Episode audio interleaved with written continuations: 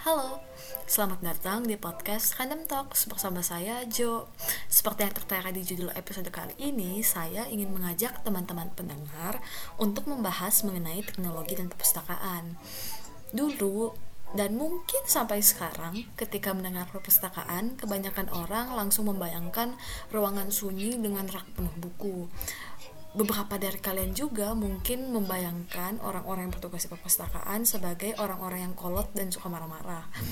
Perpustakaan memang identik dengan buku, tapi pengelolaannya tidak sesederhana meletakkan buku di rak dan mencatat peminjaman. Perpustakaan bukan sekadar penyimpanan buku, melainkan sarana informasi bagi masyarakat. Oleh karena itu, dengan perkembangan zaman serta pesatnya kebutuhan informasi saat ini, perpustakaan juga harus beradaptasi Konsep perpustakaan yang terkesan kuno pun mulai berevolusi. Di Indonesia sendiri ada perpustakaan nasional. Teman-teman pendengar mungkin saja sudah pernah berkunjung langsung ke perpustakaan nasional. Nah, perpustakaan yang satu ini bisa dibilang menjadi contoh yang baik bahwa perpustakaan sekarang memang menerapkan teknologi untuk pelayanannya sehingga perpustakaannya menjadi sebuah fasilitas yang lebih bagus. Penggunaan teknologi pada perpustakaan mungkin masih asing terutama untuk perpustakaan sekolah. Sementara itu, perpustakaan perguruan tinggi pada umumnya sudah mulai menerapkan teknologi ke dalam pelayanan. PC atau komputer merupakan teknologi umum yang digunakan biasanya untuk penyimpanan data sehingga tidak lagi berpaku pada pencatatan manual. Untuk memenuhi kebutuhan informasi pun disediakan berbagai sumber elektronis yang tentunya hanya bisa diakses menggunakan teknologi. Pada perpustakaan dengan budget memadai, teknologi pun dijadikan koleksi atau layanan tambahan bagi pemustaka, seperti yang tadi ada perpustakaan nasional. Oleh karena itu, lumrah rasanya mendengar istilah perpustakaan hybrid pada masa sekarang yang artinya perpustakaan yang tidak hanya menyediakan buku atau perpustakaan tradisional tapi juga menerapkan teknologi dalam pelayanannya.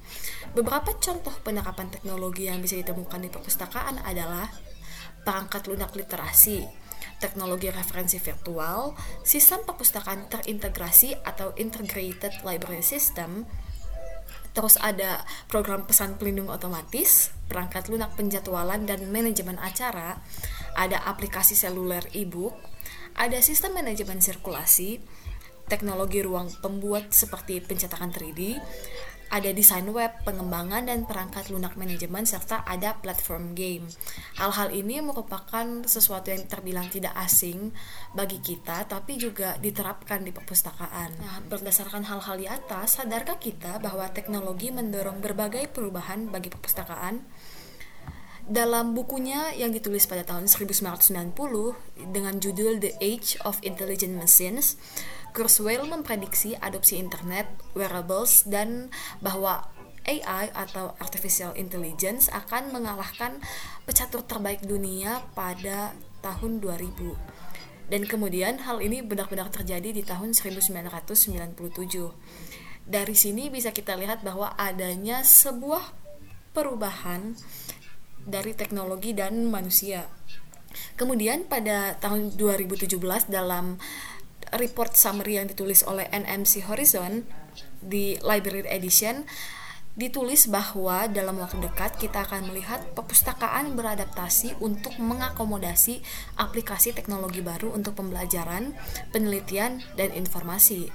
Nah, sekarang kita kembali lagi pada salah satu tulisan Kurzweil di tahun 1993 dia menulis sebuah kolom untuk jurnal perpustakaan yang disebut The Changing Library. Di dalamnya, dia berbicara tentang seperti apa perpustakaan masa depan.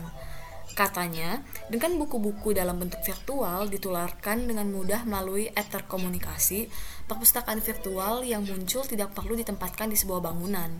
Komputer akan terus memfasilitasi efisiensi administrasi, tetapi fungsi yang diarahkan manusia ini tidak akan hilang. Dua kategori terakhir, layanan perpustakaan, temuan per pengetahuan dan pedagogi akan menjadi fokus utama pustakawan.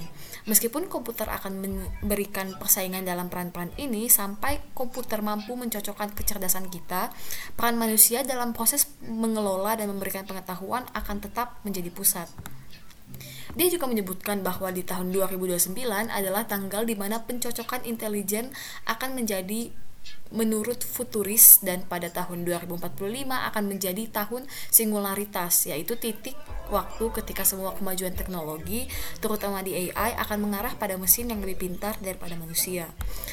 Menurut Kurzweil juga, kodifikasi pengetahuan dan proses peningkatan pembelajaran manusia akan menjadi landasan dari fase sejarah manusia berikutnya. Dalam revolusi industri kedua, kekayaan dan kekuasaan bangsa akan didasarkan pada sumber daya non material dengan kemampuan untuk menciptakan dan memfasilitasi pengetahuan. Terlihat dalam hal ini, pustakawan adalah pemimpin alami untuk usia pengetahuan yang sekarang terungkap. Nah, lalu ditambah juga dengan sebuah artikel yang dimuat oleh Willy disebutkan bahwa perpustakaan akan berhenti menjadi tempat di mana konten dikumpulkan dan dimediasi, tetapi sebaliknya akan diakui sebagai tempat di mana konten yang dibuat secara institusional dikuratori. Di tempat lain telah dikatakan bahwa persepsi tradisional perpustakaan sebagai kolektor objek informasi belaka perlu ditantang dengan penuh semangat sehingga perpustakaan diakui sebagai tempat untuk mencari dukungan dalam proses mengubah informasi menjadi pengetahuan baru.